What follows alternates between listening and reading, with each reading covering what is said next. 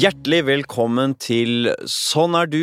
Her i studio så sitter eh, vi, Nils Brenna. Ja, hei, hei. Og jeg heter Harald Eia. Og i dag, Nils, har vi fått tak i en person som er imponerende i kraft av minst to ting. Det ene er at hun har hevdet seg på svært høyt nivå i noe av det som må kunne sies å være et av verdens mest krevende ting man kan eh, finne på i vår del av verden, nemlig å være ballettdanser. Og i tillegg har hun vist seg å fungere meget godt i rollen eh, som sjef for i hvert fall noe jeg tenker må være en veldig vrien bransje med mange sterke personligheter. Hun er nemlig ballettsjef ved Den Norske Opera Ballett. Hjertelig velkommen hit, Ingrid Lorentzen. Tusen takk. Du, Vi er jo nysgjerrig på deg, Ingrid, eh, av- flere grunner. Men også fordi eh, du både har fått til det du har fått til som ballettdanser, men også det at du uten noen formelle ledelseskvalifikasjoner har blitt sjef. Og vi håper å kunne kaste litt lys over det i dag, Nils. Hva er det som skal til for å svinge seg opp først som ballettdanser, og så som sjef? Nettopp. Dette er jo litt personlig for oss, Nils, fordi eh, vi har heller ikke noen formelle ledelseskvalifikasjoner, men har jo gått på universitetet, og ingen av oss har klart å bli ledere. Så spørsmålet er hva er det Ingrid har her som ikke vi har? Hvorfor har ikke vi svingt oss opp når du har svingt deg så veldig opp? En drivkraft mot personalansvar, rett og slett, som ligger i bunnen her. Helt klart. Mystiske kraften som vi mangler, ja. Det er vel ting i vår test, Nils, som skal ha fanget opp dette ved Ingrid, hva hun har, og da eventuelt hva vi ikke har, som gjør at hun har fått det så bra til. Vi starter med Ingrid Lorentzens score på dette trekket som kalles for nevrotisisme.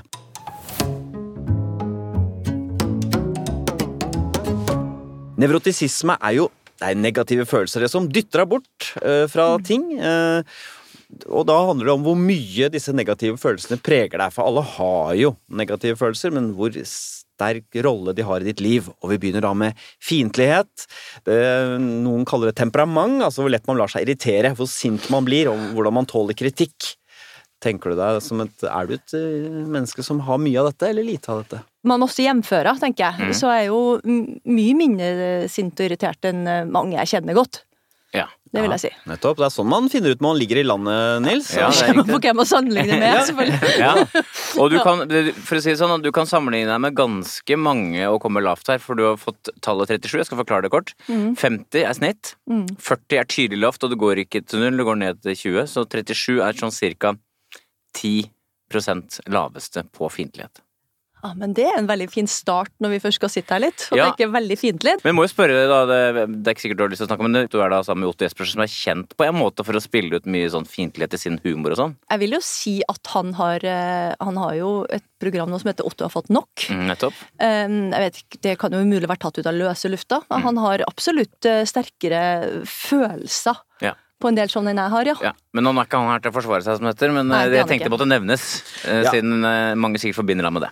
Altså, Fiendtlig består av bitterhet, Mm, frustrasjon, mm, sinne og irritabilitet. mm. Du har vel da antageligvis ganske lite av disse tingene. Det er jo litt skamfulle ting, flere av de her. Særlig Ja. med bitterhet. Ja, har du det? Um, nei, men jeg vet jo når jeg har vært i sånn noen Jeg tror nok jeg bruker å si sånn Nå, her kunne jeg faktisk blitt bitter for. Ja. Jeg husker en gang i tida hvor Svanesjøen var en sånn stor greie for meg som jeg hadde holdt på med siden jeg var lita jente, og det så lenge ut at det ikke skulle skje. Altså Når du begynner å nærme deg 30 som ballettdanser, og At du, ikke har lagt spille hovedrollen? Altså, vi snakker hovedrollen. Da tenker du kanskje at ok, det toget har gått.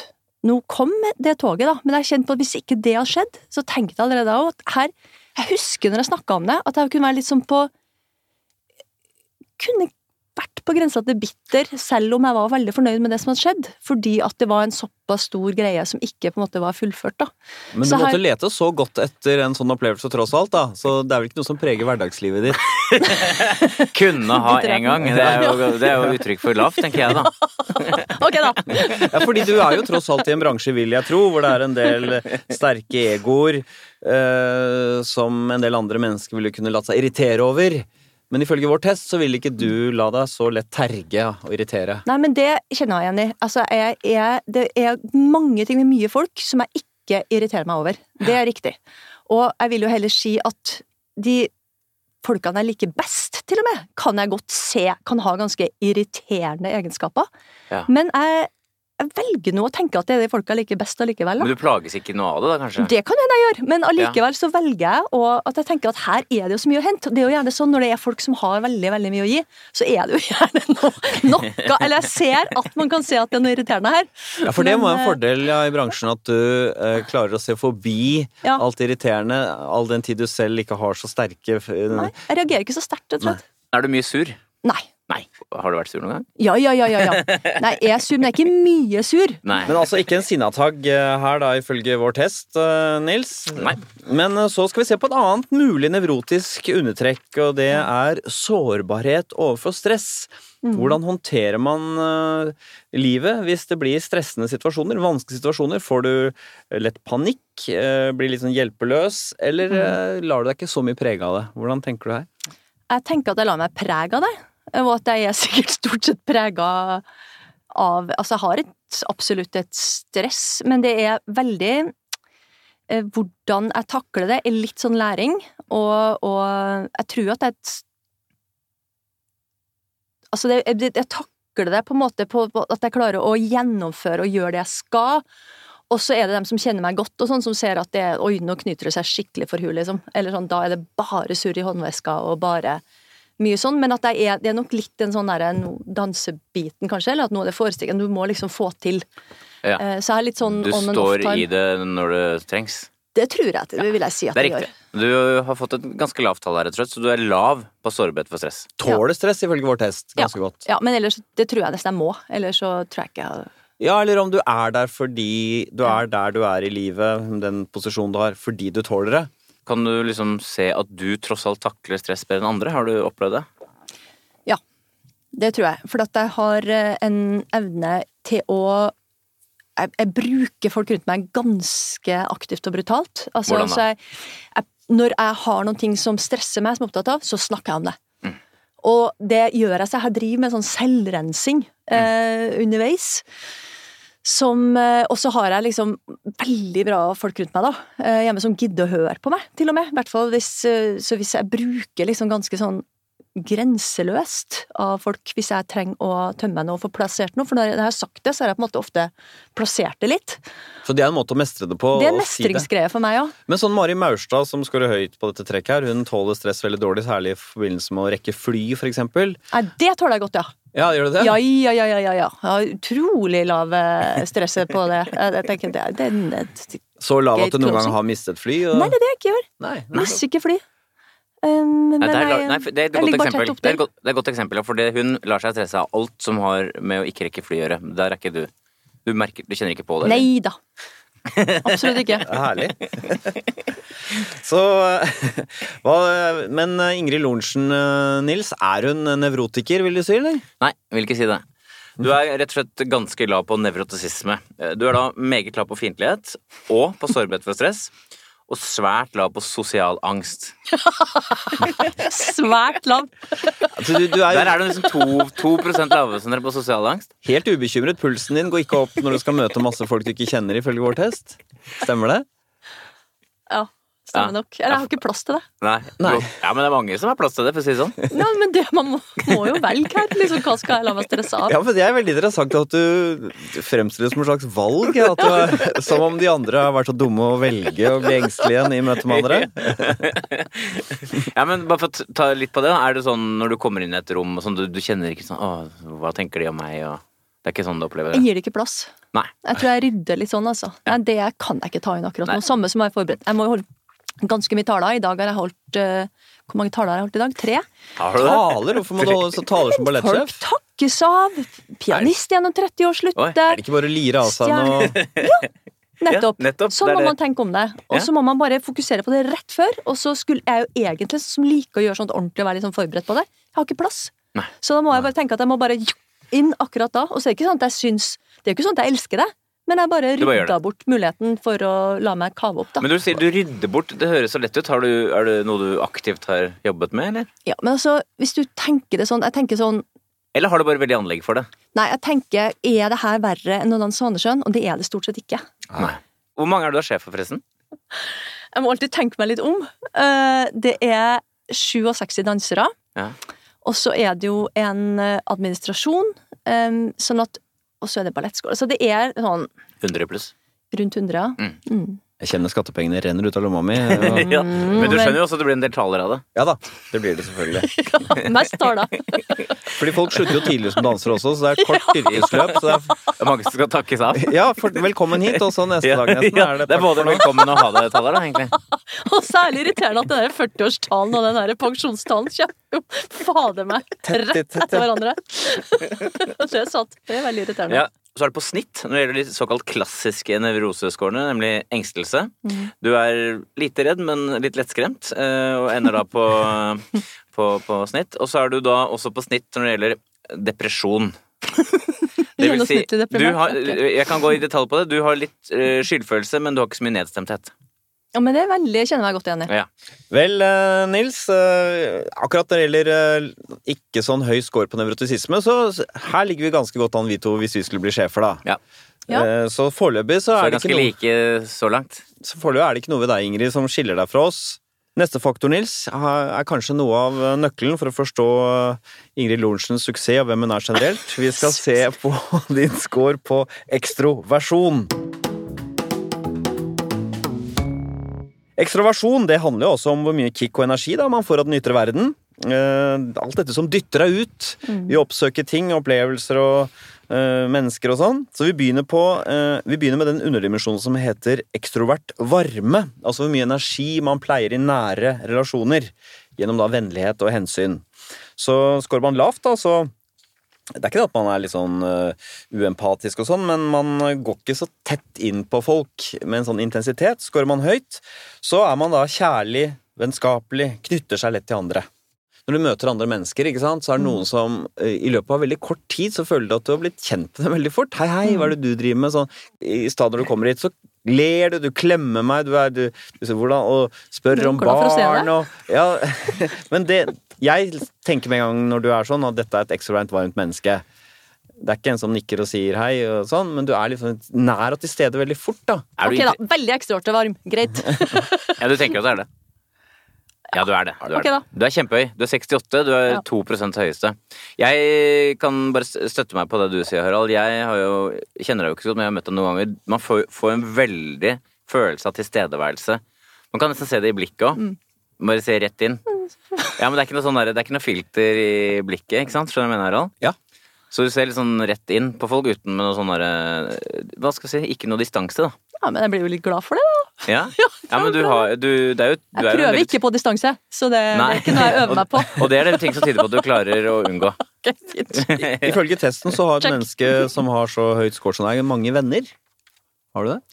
Det er klart, da er det utrolig fjernheten min, og at jeg jobber såpass mye å gjøre, at jeg har rista meg mye venner på veien. Ja. Eh, Det har jeg. Men eh, altså, hvis jeg ikke hadde prioritert dem totalt vekk, så hadde jeg hatt mange flere. Så jeg har jo dem som har holdt ut, og så er det dem som jeg vet uansett liksom, kan jeg ringe til, og så er det dem som er å, fy flate, der skulle jeg vært mye mer sammen med, men akkurat i det livet når du har barn og ballettsjefsjobb, så går det ikke. Og så har jeg noen venner rundt i verden som jeg definerer som Kanskje ikke treffer hele tida, men som jeg definerer som gode venner. Har mye venner innenfor jobben min òg. Måten du beskriver dette på, da Jeg skulle gjerne vært mer sammen med sånn. Ja. Sånn kunne ikke du ha sagt, Harald. Teorien, så. Ja, men det er ikke en kraft. det det er ikke en savn, Det er, nei. er det sånn at du kan se at noen er litt sånn reserverte? Ja, det ser jeg. Det ser du. Ja, ja, ja. ja. Mm. Da trenger du deg ikke på. Da holder du avstand, for du er god til å lese situasjonen. Altså, eller jeg driver en sånn slags litt sånn der irriterende eh, sosial opplæring. Det har jeg Ja. gjort. Jeg Hva gjør du da? Tvangshilse. Ja, hva gjør ja. Tvangsklemme. ja, det gjør det. Ja, ja, ja. Ja, ja, ja. Ja. Er det andre ting? eh, Triks? Ja, nå er det en som har en sånn utrolig teit vane lagt til meg. At jeg liksom driver og alle som har bursdag Vi snakka om det at det er mye taler, eh, og særlig når folk er folk i 40 og 41 og altså det er hele tida. Men jeg har en sånn bursdagsside at jeg liksom løfter liksom folk, da. Oh, ja. Liksom, Fysisk eh, tar tak i Ja, ja. Menn altså? Ja, ja. Men nå er det en som har bursdag snart, og det eneste kriteriet han vil ikke. Og jeg skjønte plutselig at det egentlig handla om at han orker ikke løfte engang. Så, Men, så det er jo sånn. men ta oss gjennom dette. Du, en person har bursdag, Mhm. og så går du bort, og så? Jeg holder jo tale, og så skal jeg liksom Hva skal jeg avslutte med? Bursdagssangen, eller skal jeg avslutte med Det er vel sikkert noe jeg gjorde en gang, da, for jeg følte kanskje jeg ikke hadde fått sagt det godt nok, eller et eller annet så bærer jeg litt på de, da. Ja, hvordan tar du sånn Er det sånn. Er det sånn, er det, du må forklare deg på siden av radio. Altså, du tar, du tar da eh, ansikt mot ansikt, eller snur, du- står- du bak? Nei, ansikt mot ansikt. Ansikt, og så tar så du rundt liksom korsryggen? hoftepartiet. Hoftepartiet, vil jeg si. Det Og er litt teknikk du har lært, da, rett og slett. Og så løfter Jeg har du. jo sett, dans, jeg har jo sett folk løfte. Ja, selvfølgelig. Og så Ja. løfter du. Og så løfter jeg med strak rygg Ja. ganske høyt. Ja. Ja. Og turnerer litt, da. Ja, du Sånn gjør det? Ja da. ja Og du er ganske sterk òg, eller? Nei, altså Så du kan, men du kan løfte menn. Jeg kan løfte menn. Det kan jeg. Det- Ifølge testen så øh, vil du da, med denne scoren de, Du liker virkelig mennesker og får andre til å føle seg verdifulle. Ja, men det vil jeg virkelig. Du løfter dem opp. Løfte dem Ja, opp. fysisk Og så er det jo ikke, noe, det er jo ikke en distansert ting Det er jo ikke en distansert ting å drive og løfte folk, Harald. Det er jo helt riktig. Det er jo nesten sånn det fysiske ved å gå tett på. Ja, det er, det er helt Jeg har ikke løfta på Jeg løfta på guttungen, men uh, slutter når de det, er tolv. det, det skal ikke handle om deg, dette her, men jeg forbinder deg veldig lite med at du går og løfter på folk. Du kan ha problemer med å holde avstand til andre dersom situasjonen krever det. Problemet å holde avstand Når er det man skal holde avstand til andre, egentlig? altså, jeg sletta alle på Facebook når jeg ble, når jeg ble sjef. Jeg gjorde en sånn fellesmassakre. Så sletta jeg alle, ans, alle som jeg var venn med. Ja. For jeg var jo kollega med alle sammen, og så dagen etter så var jeg sjef. Eller skulle bli sjef, da. Ja. Så da tenkte jeg, hva gjør man da for å liksom skille? Så tenkte jeg, da, da har jo de blitt venner med meg under helt feil, på helt feil premisser.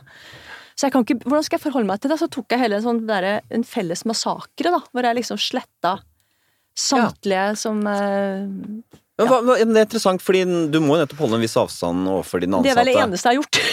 Ja, fordi Går du ned i kantina, en, en sjef som ville ha problemer med å holde avstand, for er for ekstrovert varm, ville gå bort til sin ansatte i kantina i lunsjen og begynne å bable i vei som før, og legge ut og spørre og betro seg hit og dit. Ja. Mens Jeg eh, har en dragning dit, samtidig som jeg også har en sjenanse på det. Så ganske ofte når jeg går jeg inn til Geir med, hvis jeg da skal ha spiselunsj, og Geir er da min sjef. Han er administrerende direktør i Norsk Opera Ballett. Og da av og til så går jeg inn dit bare for å ha et sted å sitte, eller så setter jeg meg eller så, så jeg, jeg, set, jeg trekker meg litt unna, fordi at jeg er jo ikke en del av dem. Og du og må den, holde eh, igjen din egen naturlige tendens til Veldig. å gå nær. Ja, ja, veldig. Men det jeg kan del, er jo hvordan Det var jo faktisk det her som gjorde at altså, Det er ingen sikkert som har lurt på hvordan det hadde seg at jeg ble sammen med Otto Jespersen. Ah, Og det kan jeg jo dele på. ja. Ja. For det handla om uh, det her, Vi må jo noen år tilbake. Vi må tilbake til 1993, og jeg er 21 år. Og skal da opptre på et sånt Statoil-arrangement hvor med en huldredans av Kjersti Alveberg, som er egentlig stor kunst, eh, vil man si. Mens det der, jeg skjønte det, at eh, det var rett og slett julebordsunderholdning. Så det gikk jo etter hvert opp for meg at Bjarne og Gunnar, som Otto gjorde sammen med Jens Brun Pedersen, passa utrolig mye bedre enn det her enn meg. Eh, Så at jeg skulle avslutte med en sånn rytmegreier. Så svarte alle liksom med ølglass sånn bump, bom, bom. Hele, altså det var helt forferdelig som ung ballettdanser å opptre her. Og jeg skulle gjøre tre forestillinger. Jeg følte meg veldig ensom, så det jeg da insisterte på, var jo å dele garderobe med Bjarne og Gunnar. Så jeg var altså i mine huldre, rød eh, huldretrikot. Insistere med største selvfølgelig. Og jeg tenker Ja. ikke at det er noe rart heller. Det er jo det Nei. noen som har sagt til meg etterpå, at det er kanskje spesielt å insistere. Ikke bare komme nært, men dele garderobe. Ja. Ja. Og så, ja, så da kom du inn der, og du er 21 år, og du har kostyme på deg, og du er litt sånn opp, irritert, men blid og sikkert veldig sjarmerende. Men hva var det Jo, men det vil jeg tro. Sånn gøyal og, Mm. og Men øh, Eller nær, da. Inni garderoben. Det er jo ganske nært. det er veldig nært, ja. Mm. Er det sånn som både får andres hemmeligheter og forteller hemmeligheter selv? Otto mener at det er ganske oversharing. Eh, I forhold til han så er jo ekstremt oversharing er mye verre enn han tror òg, egentlig. Ja, for, du, for du klarer ikke å holde på ting? det må jeg jo. Jo, ja, men klarer du det? Eh, jeg, selvfølgelig holder jeg på ting. Ja. Men har lyst Men- til å spre. Det er jo litt sånn, også litt sånn fælt å si, men det er nok sant, ja. Men du klarer det? ja selvfølgelig, jeg må jo det. Det er så flott når jeg gjør det fordi jeg må det. Ja. Plikt. Det er Så jeg ønsker at folk sa det mer. En annen underdimensjon under eh, ekstroversjon er det som heter positive følelser. Altså rett og slett hvor mye glede man har, mm. og i hvordan man uttrykker glede. Eh, om man uttrykker det med intensitet eller holder igjen. Og hva tenker du her? Er du, er du et sprudlende menneske eller et litt mer dempet? Altså det er også En side ved meg er jo at jeg, kan, jeg går veldig opp i øyeblikket. sånn at nå for eksempel syns jeg det er helt topp å sitte sammen med dere to å få snakke om meg sjøl! Altså, for en fest!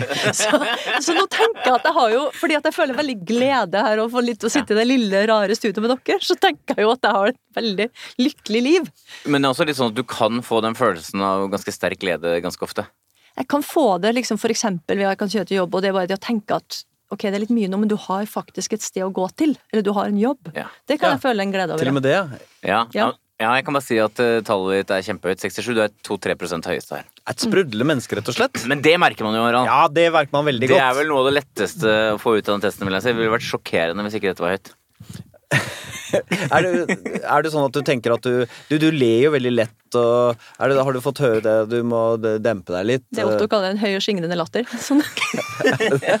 det sant. Jo, Det må være en veldig god egenskap hvis du er sjef. Det er jo veldig, ikke sant, I en verden hvor ingen er helt sikre på om ting er bra eller dårlig, at det kommer ut av mørten kommer sjefen og og klapper og ler. Fantastisk! Som du slipper å fake, da, for du virkelig er begeistret. Ja, det er sant. Samtidig som at det blir ofte kan jeg føle Den andre følelsen er at jeg kan føle meg dust. Og kan, litt sånn der Ja, herlighet! Sånn derre at du blir sendt inn dit. Du får ikke bestandig sjansen å gå til, i dybden da, med det orkesteret der, eller det der hvordan hva funka, ikke funka. Så man føler seg litt som en sånn heiagjeng Overfladisk, sånn Overfladisk, liksom. teit måte. Ja. Ja. Du skulle gjerne ha Sånn begrunnet det litt bedre. Ikke sant. Men selve eh, begeistringen har du jo. Den er ikke falsk. Du skulle gjerne følge et sånn ark med begrunnelse. Ikke sant. Jeg Jeg skjønner. jeg, for du skal gi poengtert ros, sant? Du skal Ja. ikke bare si 'oh, you were Det er great'. riktig. Ja. Velbegrunnet ros Ja. er faktisk veldig viktig, ikke bare praise.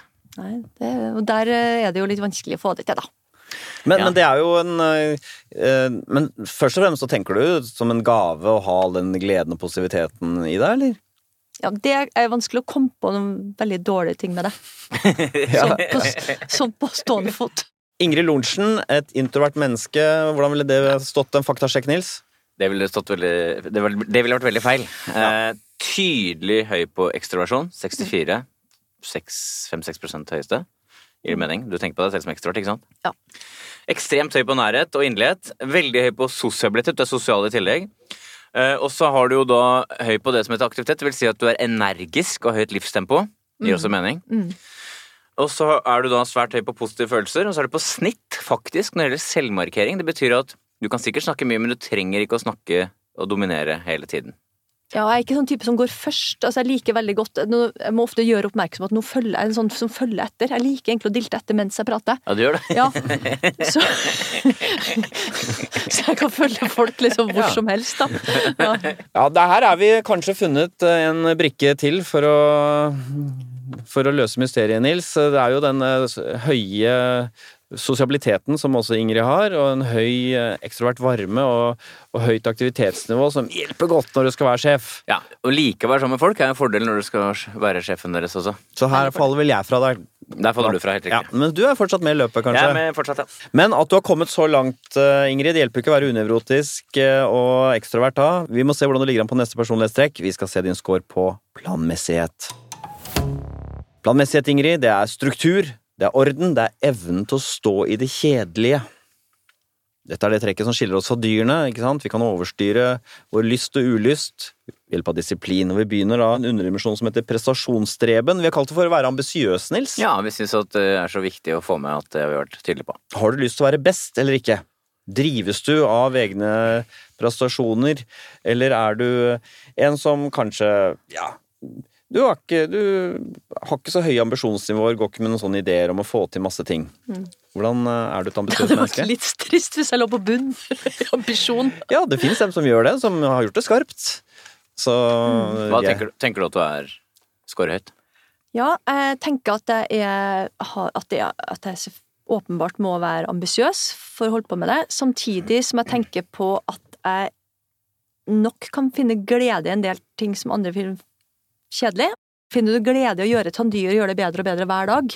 Så jeg finner mye glede i en type repetisjon. Det må du. Du må elske Ja. det som ballettdanser. Men, det også, du, men det som er poenget med den her, er jo at du finner også glede i å merke at du blir bedre. Det, Du blir drevet av dine egne prestasjoner. ja. Og fordi denne fasetten heter nemlig prestasjonsstreben. Ja, det må jo folk som driver på med sånne prestasjonsting Det er jo rart hvis jeg scorer lavt på det. Det gjør du ikke. Du scorer tydelig høyt, 64. Ja. Svært høyt. Ting, hvis jeg får noe, så, er det, så trives jeg veldig dårlig med å gjøre løse den oppgaven dårlig, eller ikke gjøre det beste ut av situasjonen. Men jeg har ikke klare mål. Og det har jeg Nei, har aldri ikke det. drevet satt meg. Du har Nei, du faktisk ikke, nei. nei. Jeg er helt målløs. Er du det? Ja. Men du har lyst til å, når du setter opp en forestilling, så vil du at det skal bli verdens beste. Jo, da gjør man det maksimalt ut av øyeblikket. Ut Ja, av dette. riktig. sånn? Ja, sånn, ja. Og sånn har jeg egentlig vært. Alle spurt meg hva skal du drive med når du ikke er ballettdanser mer. Jeg turte ikke drømme om å bli, bli ballettdanser, ikke hvilken rolle jeg skal gjøre. Jeg har aldri satt meg de tingene. Jeg bare, når ting liksom har åpna seg, så. Så. har jeg ikke latt det gå, nei. Det Men, har jeg ikke. men er du da perfeksjonist, på en måte? Kan man si det? Eh, Det er jo det som er litt sånn vanskelig spørsmål. eh, Fordi at jeg er også veldig slapp, og jeg er ofte uforberedt, føler jeg. Altså det er mye her som jeg ikke liksom Men jeg tror at det er et forestillingsmenneske som prøver å gjøre mest ut av de åpningene som er, da. Men hva betyr det egentlig å gjøre mest ut av? Hvor lenge kan du holde på da med å gjøre det beste ut av det? Nei, det kan være bare et fokus der og da. Ja, ok. Det kan det være. Det er ikke at alt er forberedt. Og så er det andre ting hvor du har sprunget på den tredemølla i motbakke og holdt på, holdt på, holdt på med den tandyen og den Hva er altså, tandyen? den- Tandyen er, som jeg stadig vekk kommer tilbake til, er jo en av de tingene du gjør når du står som ballettdanser ved den holda i den stanga, Ja. og gjør en bevegelse som ser ganske enkel ut. Jeg viser deg nå med beinet inn og ut av Ja, det er den klassiske at du vrir liksom Ja, Og det er en veldig enkel bevegelse. Du kan gjøre det utrolig slapt. Ja. Og det er også en, blant annet en av de tingene som irriterer meg, er jo folk som gjør slappe tandyer. For du skal rett og slett lukke Altså det er nettopp den der motstanden og det å gjøre det hver av de der helt fantastisk, da. ja, hver lille minibevegelse. Veldig, veldig fint. Ja. Topp. Å, Det er den stramheten der som er det ambisiøse. Ja, og det å like det, da. Ja, Holde på å gjøre den tangien finere og finere En gang til. Vi gjør det en, en gang til. Ja. Mm, jeg skjønner. Jeg skjønner. Er du da, men hvordan er man Litt rart spørsmål, kanskje, men hvordan er man eh, ambisiøs som leder? Ambisiøs som leder er jo at jeg kan ha ambisjon på at jeg syns det er veldig fælt hvis kommer inn og folk har meningsløse og dårlige møter med meg, for eksempel. At jeg kanskje prøver å Kanskje kan til og med gi inntrykk av at her skal det skje masse oppfølging fordi at jeg har så lyst til å løse det møtet.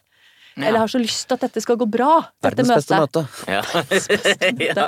Så gir jeg veldig dårlig som fellesmøte, og det er sånn plager meg. For, jeg ikke, Ja. liksom, for her realiteten kommer ikke opp mot ambisjonen, da, i forhold til eh, Så jeg plages jo når jeg sånn åpenbart ikke er nok Ja, sånn. forberedt Men du har den ambisjonen for møtet? Det er det du sier? Når jeg ikke kan svare på enhver ting, Ja. så vet jeg at jeg ikke kan det, men eh, det plager meg, ja. Ja, det det. Skammer meg. Ja. Er du, har, dum du, og dårlig. har du konkurranseinstinkt? Nei, jeg tror ikke. Du har ikke det? Nei. Nei, så Det går ikke på det å være bedre enn andre, det går at Nei. du skal gjøre noe som er bra. Ja, eller ikke, ikke la den muligheten gå. Ikke liksom Nettopp. stå der du var på den lille scenen ute i Vestfjorden. Så det er ikke bare Karpe Sikkert Diem, det er Karpe hver Så det er jo- lille situasjon. Hvert lille situasjon Det skal jo, karpes, altså. det er jo egentlig til fasettens navn her. Du- Du streber etter å gjøre den beste prestasjonen. Jeg der og da. Jeg gjør en beste prestasjon der og da, men Ja. er ofte uforberedt. Nettopp. Ja, Det er krevende. Men du føler deg uforberedt fordi du har så høye krav. Ja, Nei, jeg er ja. Så det er jo det er vel kanskje vanskelig, som du sa, å bli ballettdanser på det nivået du har vært, uten å ha høy score på dette trekket, da. Ja. Ønsket om å bli best. Ja, men samtidig så ser jo jeg ser jo veldig mange dansere. Jeg ser noen av verdens beste dansere. Det er jo noen som Jeg har jo vært litt sånn der på å ha et liv innafor og utafor og vært sånn bestandig.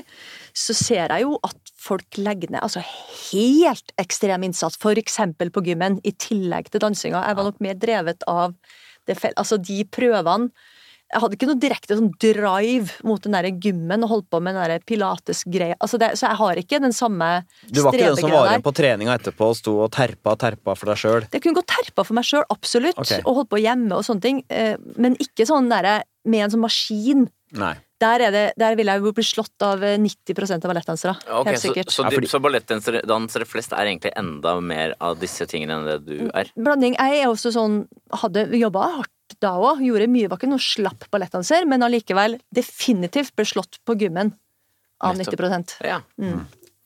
En annen viktig underdimensjon under planmessighet er orden. Det handler da om å være organisert, planlagt, metodisk. Du rister på hodet her, Ingrid. det går så dårlig, det.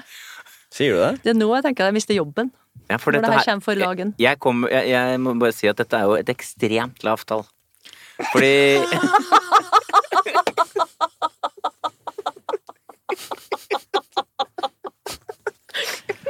For de som har greie på den testen, da. ja, jeg, kan, sånn jeg, kan si, jeg, jeg, kan, jeg kan si tallet først. Det er 22, Ja. men det går bare ned til 20. Og det er, jeg, så vidt jeg vet, den laveste av absolutt alle vi har hatt der inne. Inkludert Else Kåss Furuseth, som er veldig rotete. Fortell om bilen din. Hvordan ser du til bilen? Jeg føler ofte det er godt, eh, en god indikator. Nei, bilen er bedre enn du skulle tro, men det er igjen for at jeg kjemper, bekjemper min for at jeg lever med noen som er mye ryddigere enn meg. Ja. Okay. Så jeg kjemper mot den, så jeg har ikke veldig rotete hjem eller i bilen og sånn. Så du har ikke ting liggende under setet og sånn? Litt, men ikke så mye. Jeg ser mange andre biler som er mye verre enn min. En informant har sagt at eh, du har suppeboller under setet i bilen. Det har jeg jo. Det er havregrøt, forresten. Ja, det er havregrøt. Du har det? Ja, Ja, for du har det. Ja, ja ja. da, men det er mer Men- ja, ja, du, tror, du sier det som du tror alle har det. gamle suppeboller og havregrøtboller som som er med størknet grøt i. Er det det? Nei, altså, den blir ikke stående så lenge den havregrøten. Den er liksom Den er fra morgenen, da. Ja, ok, Så det er ikke gammel Jeg husker nesten alltid å ta den. Nesten alltid, ja. Men fortell om, eh, fortell om eh, det at du er så rotete. Hvordan eh, Du pekte ned i veska di. Og jeg kan beskrive veska di. Den står ved siden av det her. Det er jo egentlig bare en, en, en slags pose hvor masse ting er rota sammen. Jeg har egentlig akkurat rydda. Er det det? Ja, for der ligger en flaske og masse papirer og telefon. Det høres ikke så ille ut, men det er noen papir der. Det, er, det er, ser ut som en søppel... Nå har jeg samla papirene her, da. Ja. Men fortell litt om, om rot i livet ditt, Ingrid. Uff a meg. Nei, det er Altså, jo mer jeg har i hodet, da, og jo mer jeg prøver liksom å være til stede og være ekstrovert varm og ta inn hver person Ja, Men din forståelse av din rotethet er at det er en type nedprioritering? At det ikke er plass til å bruke eh, mental kapasitet på å rydde? Eller er det sånn at du alltid har vært litt rotete?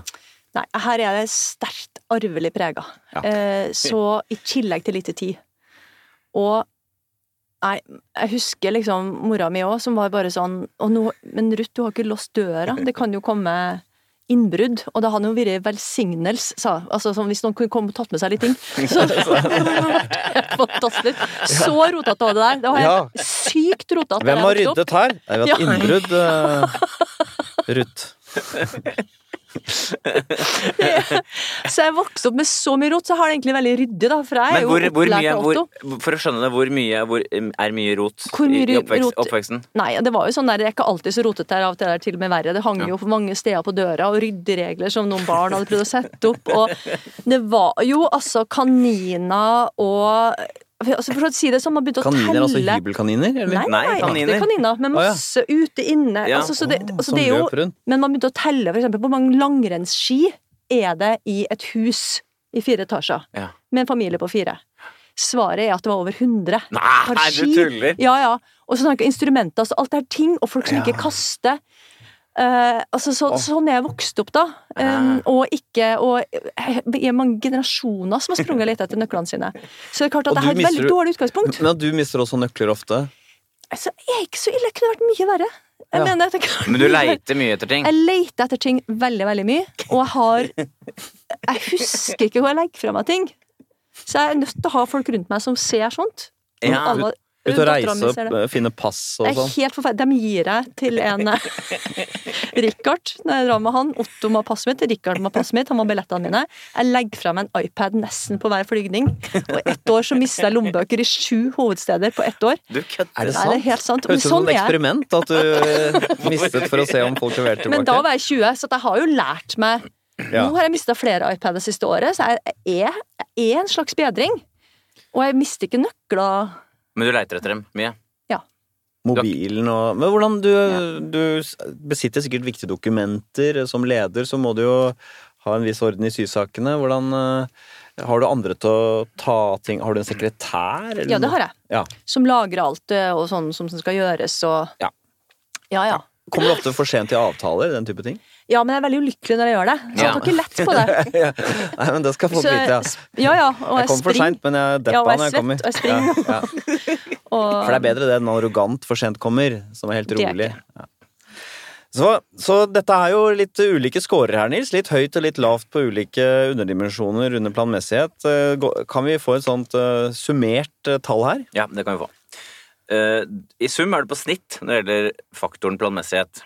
Eh, svært ambisiøs og med veldig høy pliktfølelse. Veldig fordelen å skal være sjef også. og Ikke sant? Gjør som får beskjed om. Ja, En god soldat ville det ha vært i en annen sammenheng. Du er på snitt når det gjelder kompetanse, det vil si at du har vanlig selvtillit og troen på at du får til ting. Eh, Selvdisiplin også på snitt, og så er det en touch av ubetenksom. Det trekker ned. Og så er det denne enormt lave scoren på orden, da.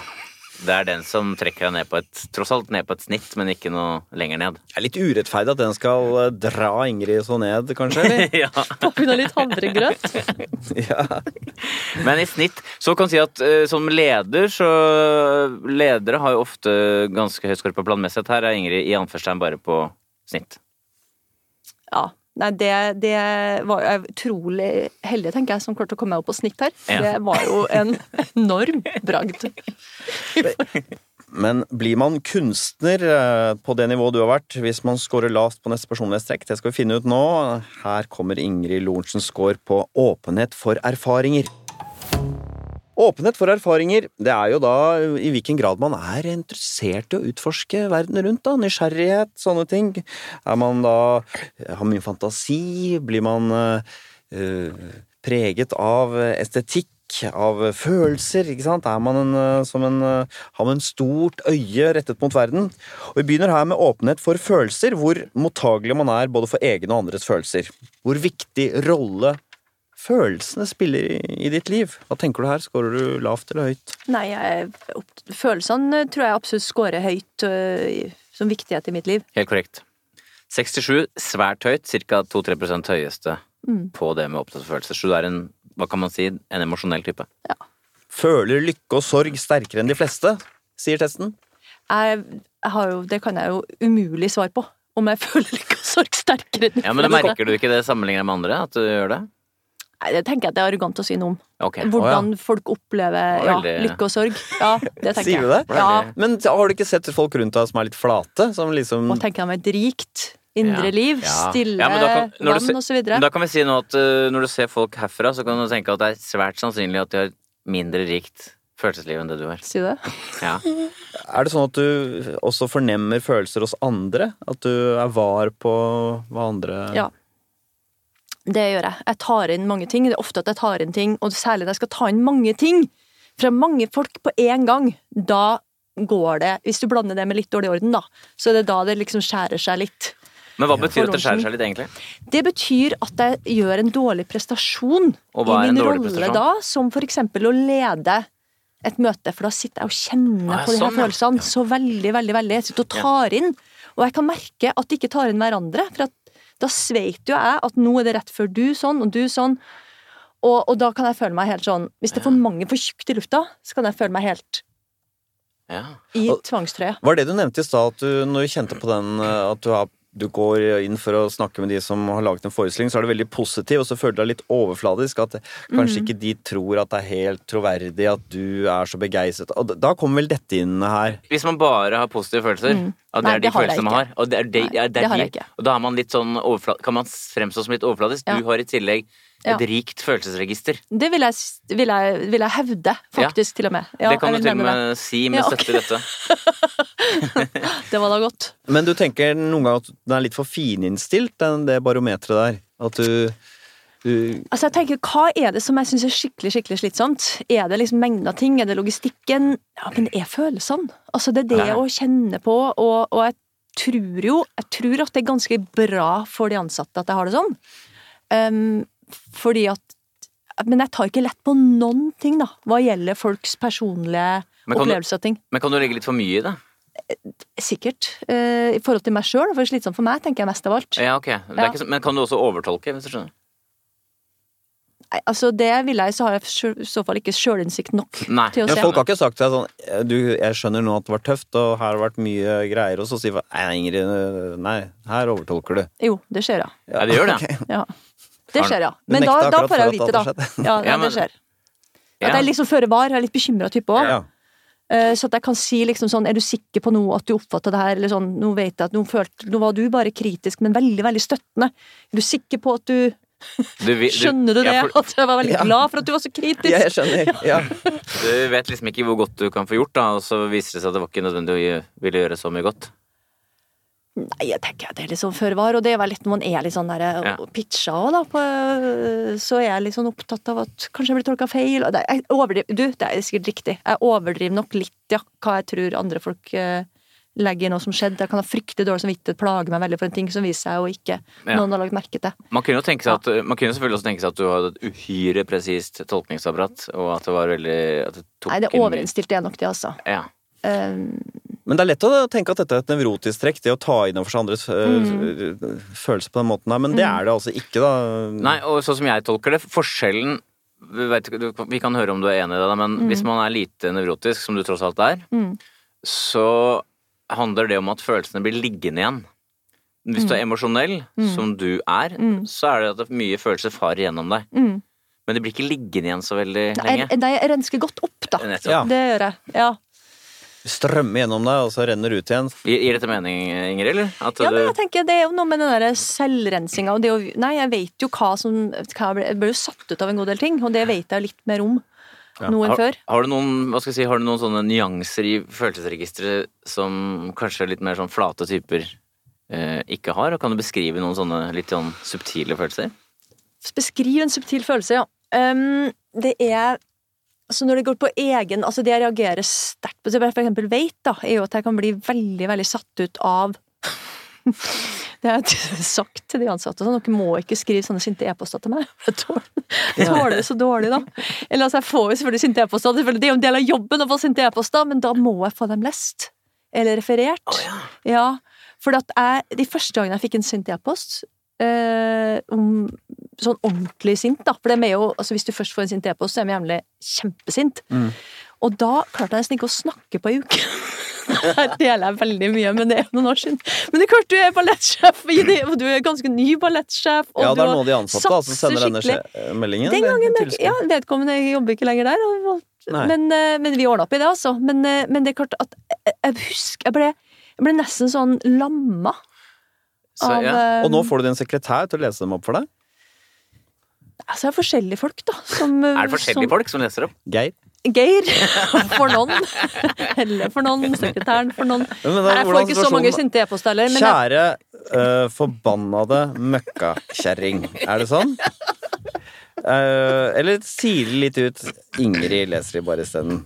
Og så Og så leser de liksom ord for ord, eller har du gjort en avtale og nei, sile ut du må sile ut, og så Ja. må bare referere innhold.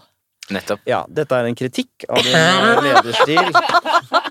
Men det er så søtt, da. De er jo så fine, de danserne. De er jo sånn, sånn For det første, nå skulle det komme en helt betimelig klage, da. Fra danserne. Helt på sin plass. Men det er ikke bare at de liksom skriver det så høflig vi gjør dette, bare for å hjelpe. De skriver utrolig høflig. Og så likevel så ringer, liksom tillitsvalgte først og sier sånn med en SMS. Nå kommer det en e-post, Ingrid. Ja, det er, det er liksom tjenestelinjen. Det er en veldig ryddig prosess allikevel. De kjenner Ja. meg, da! tenker Ja, jeg. tenker det at det er sånn et enorm eh, sånn, Nå skal du vite det. Så ikke bare, du får ikke bare en e-post sånn dumpe den inn. Nei, nei, nei, nå kommer den. Ja. Ja, Det handler om det. Mm.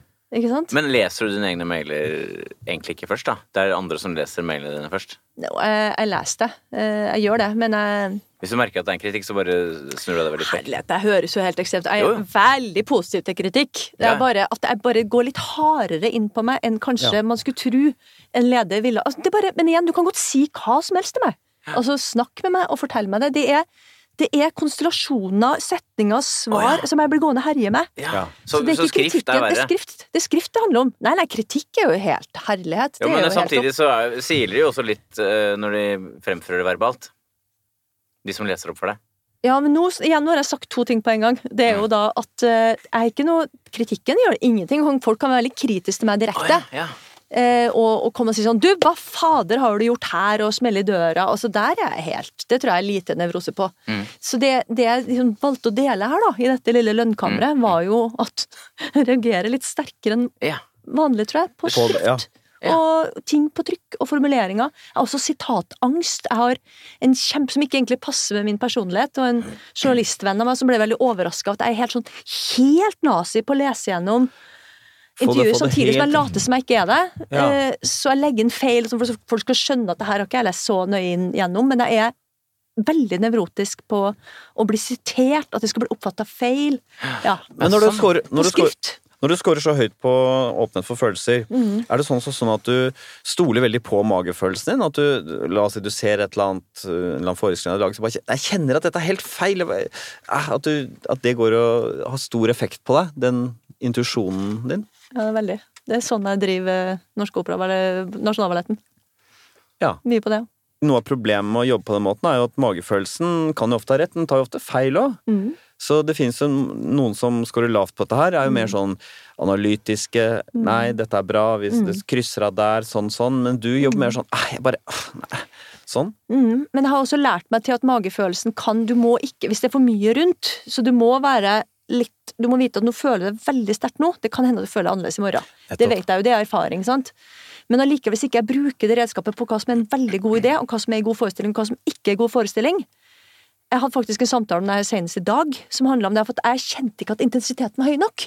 Og da vet jeg at hva du opplever som høy intensitet, er veldig dagsformavhengig. Ja. Så mange sier men du kan ikke sto men jeg stoler ikke på mitt eget barometer på det. Hvis jeg slutter å stole på det, så har jeg liksom gitt fra meg eh, rett og slett det eneste måleinstrumentet jeg har, da, som skal vurdere kunstneriske prestasjoner. Så du kan ikke ta det helt for god fisk, men samtidig må du lytte på Jeg må lytte, Ja. samtidig som jeg må være kritisk til meg sjøl. For å oppsummere deg, Ingrid. Du er jo et uh, meget åpent menneske, da. I, sånn som vi definerer åpenhet her, Nils. Åpenhet for erfaringer, nysgjerrighet osv. Det er riktig. Du er høy på fantasi. Du er veldig åpen for å gjøre nye ting. Du er selvfølgelig høy på estetikk. Skulle bare mangle, kanskje. Eh, Du er også da høy på åpenhet for følelser, og så er du liberal og tolerant. Det eneste ikke-høye score er interesse for teori og intellektuelle ting, men der er du på snitt ikke spesielt lav, altså. Åpent menneske. Svært åpent menneske. Svært åpent menneske. Så her er det veldig av de i hvert fall trekkene jeg faller opp på igjen eh, for å bli leder. Jeg har ikke noe høy på åpenhet for følelser. Det betyr at jeg i en organisasjon ikke vil kunne ta inn over meg og bry meg ordentlig om. Altså, du Ja, for du Ja, du hadde Hvis det var noe der ute, så er det ikke sikkert du fikk det med deg. Det er riktig. Så plutselig en dag så vil jeg bli kastet fra jobben min, men jeg har ikke merket noe misnøye. Men en øh, hovednøkkel, øh, ifølge ledelsesforskerne, for å kunne bli en god leder, er neste faktor. Det er det som heter medmenneskelighet. Medmenneskelighet det handler om samarbeidsvilje, medfølelse. Eh, I hvilken grad man setter seg selv litt til side for å få alle sosiale relasjoner til å gli mest mulig. Da. Og vi begynner her med en eh, interessant underdimensjon eh, under medmenneskelighet som heter rett fremhet. Det handler også om du er oppriktig. Mm. Om du spiller med åpne kort overfor andre mennesker, Mm. eller om du kanskje er litt mer utydelig, indirekte, litt mer strategisk. Mm. Hvordan tenker du her? Er du et sånn ærlig, rett frem-type? I utgangspunktet, men som har blitt litt forsiktig. Fordi at som du åpenbart, hvis du er litt for ofte deler alle kortene dine, så lærer du deg til at det kan jo være litt dumt av og til. Det, hvis jeg ikke lærte av erfaringa, så hadde det jo vært synd. Sånn at det kan jo kanskje gjøre at man kan bli litt redd for å si ting, fordi at man vet at ting kan forandre seg. Men i utgangspunktet en ganske rett frem type, Ja, sånn som jeg forstår det, Ingrid? Ja. Svært tydelig 63, altså høy Mm. på rett fremhet. Mm. Så jeg vet ikke om du har Selv om du har si, justert deg litt, så er det fortsatt tydelig. Jeg, det, ja. Det er jo en, jeg tenker jo at det er en viktig side av meg. Men det at du er, så, å, du er så åpen, du spiller med så åpne kort Noen sjefer er jo litt sånn holder kortene tett til brystet, Ja. er litt sånn uh, uklare, kanskje. Jeg har hatt sjefer i hvert fall som aldri sier helt hva de mener uh, om noen Nei. ting. Er sånn sett litt sånn survivor i systemet, da. Ja, Nei, jeg er ikke der. Jeg Nei. brenner sånn sett ut. Altså, jeg deler jo, men det er også det er en del av den renselsen òg, at jeg deler veldig kjapt. Ja. De ting som jeg gjør som er veldig veldig dumme, for eksempel, så er jeg raskere til å dele det. Og det er jo, kan jo hende at det er en strategisk side av det, at da er jeg raskere enn andre til å påpeke de dumme tingene jeg gjør. Eh, eller så er det rett og slett at det er også at det hjelper meg eh, i forhold til å Ja, for det er, jo et, det, er jo et, det er jo et trekk som da gjør at sosiale relasjoner glir lettere, og folk stoler på mennesker som deg. Ja. Som du føler, de føler at de kan tro på det du sier. Du er ikke noe luring. Nei. Stemmer det? Nei, det er riktig. Ja, jeg mener ikke noe luring, nei. Jeg lurer ikke folk. Det er et viktig grunnprinsipp hos meg. Ja. Ja. Men er det også en tilbøyelighet du har eh, naturlig, at du ikke har så lyst til å lure folk? Nei, ikke lyst til å lure folk. Og det er forferdelig de, de gangene jeg kan tro at noen tror at du sa det sånn for at du skulle lure meg. Kan du merke med din høye rett frem at, at eh, en del andre folk er de taktikere? Kjenner du en taktiker når du ser De som er lure. Altså, de lureste har jeg åpenbart ikke tatt, da. Eh, jeg ser jo sånn forsøk på taktikkeri, og det er jo viktig å si, jeg er jo også en taktiker. Men det betyr ikke at jeg lurer folk. Nei. Men jeg kan jo være taktisk Ja, for det. det er ja. Det er Ja. Under medmenneskelighet ligger også underdimensjonen føyelighet. Eh, Når det oppstår en konflikt, er du føyelig da, så er du defensiv når det er konflikt, ikke sant? Mens eh, er du lav på føyelighet, så konfronterer du. Hm. Hva tenker du? Er du, Nei, her er jeg litt spent, rett og slett. Ja, er- du vil du tenke at du er glad i konflikter, eller konfliktsky? Jeg vil jo tenke at jeg ikke er glad i konflikt, og ikke konfliktsky. Vil du tenke at du er en kranglefant? Nei. Nei, nei, nei. Nei, nei, nei, sa hun. Hva sier Det scoren? Jeg ganger. på. Tre ganger nei er Det betyr at du skal veldig høyt på føyelighet, og du skal faktisk veldig høyt der, altså. Mm. 70, altså 1 høyesteaktig. Hm. Hva tenker du? Det er føyelighet. Jeg tror ordet forvirrer meg litt. Ja. Skal vi prøve å Er du føyelig? En som er føyelig, en som hvis det oppstår en krangel, hvis en eller annen går bort til deg og, Ja, så vil du tilpasse. Ja, så liksom prøver du å få det til å gå, du gidder ikke å gå.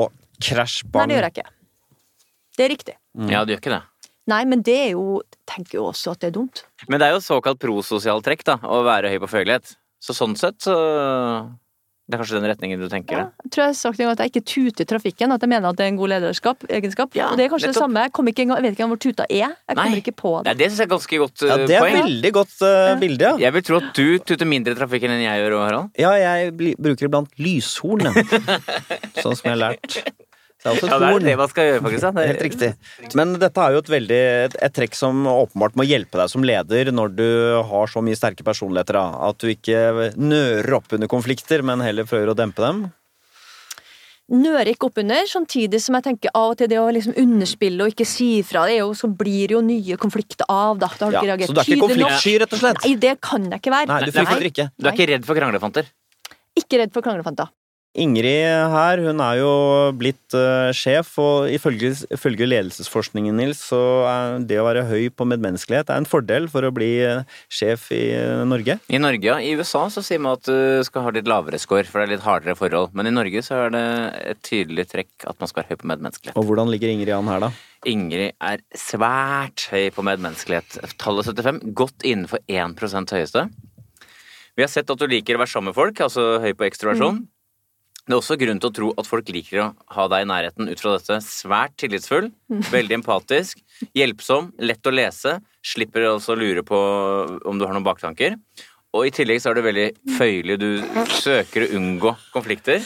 Ja. Og på toppen av det hele så er du, selv om vi tidligere i programmet har hørt at du ikke er spesielt sjenert, så er du faktisk beskjeden. Du er ikke en som fremhever deg selv.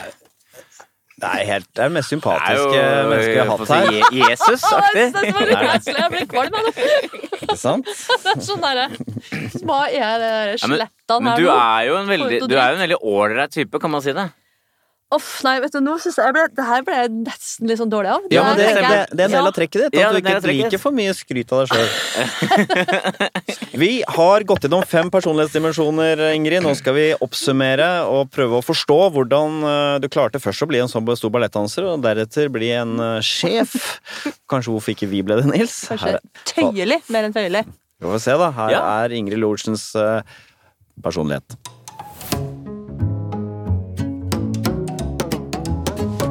Noe vi ønsket å finne ut i dag, Ingrid, var jo hva som bidro til at det ble ballettdanser på superhøyt nivå, og gikk til topps som um, ballettsjef i operaen. Og ballettdelen, Nils, det er jo dette at uh, Ingrid er veldig ambisiøs.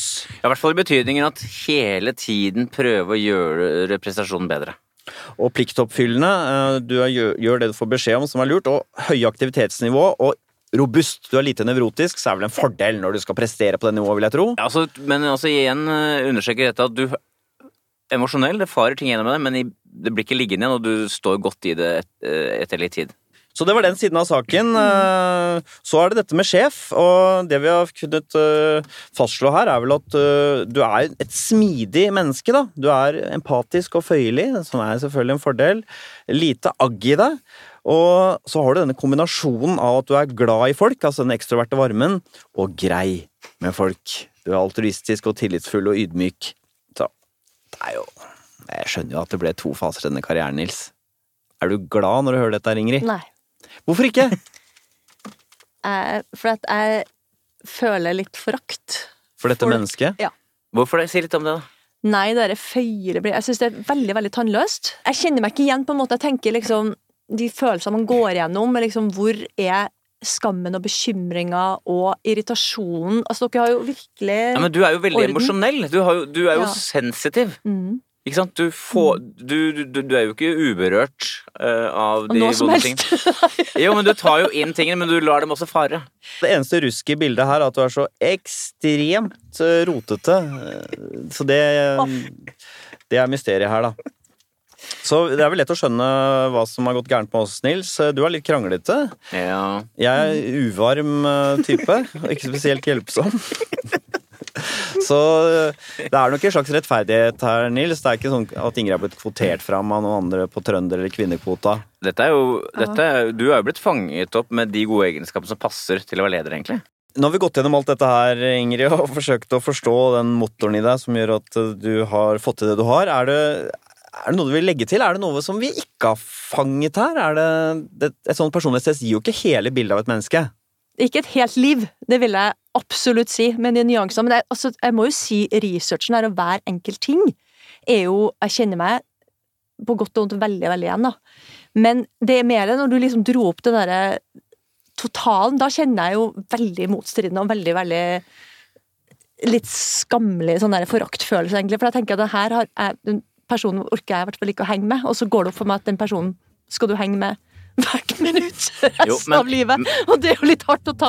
Men det kan være en fin oppsummering, for at eh, din høye score på beskjedenhet er, handler om ydmykhet. Så du vil ikke like å høre sånne oppsummeringer, så det passer bra som avslutning på det hele. Tusen takk for at du kom, Ingrid Lorentzen. Tusen takk skal dere ha. Herre min.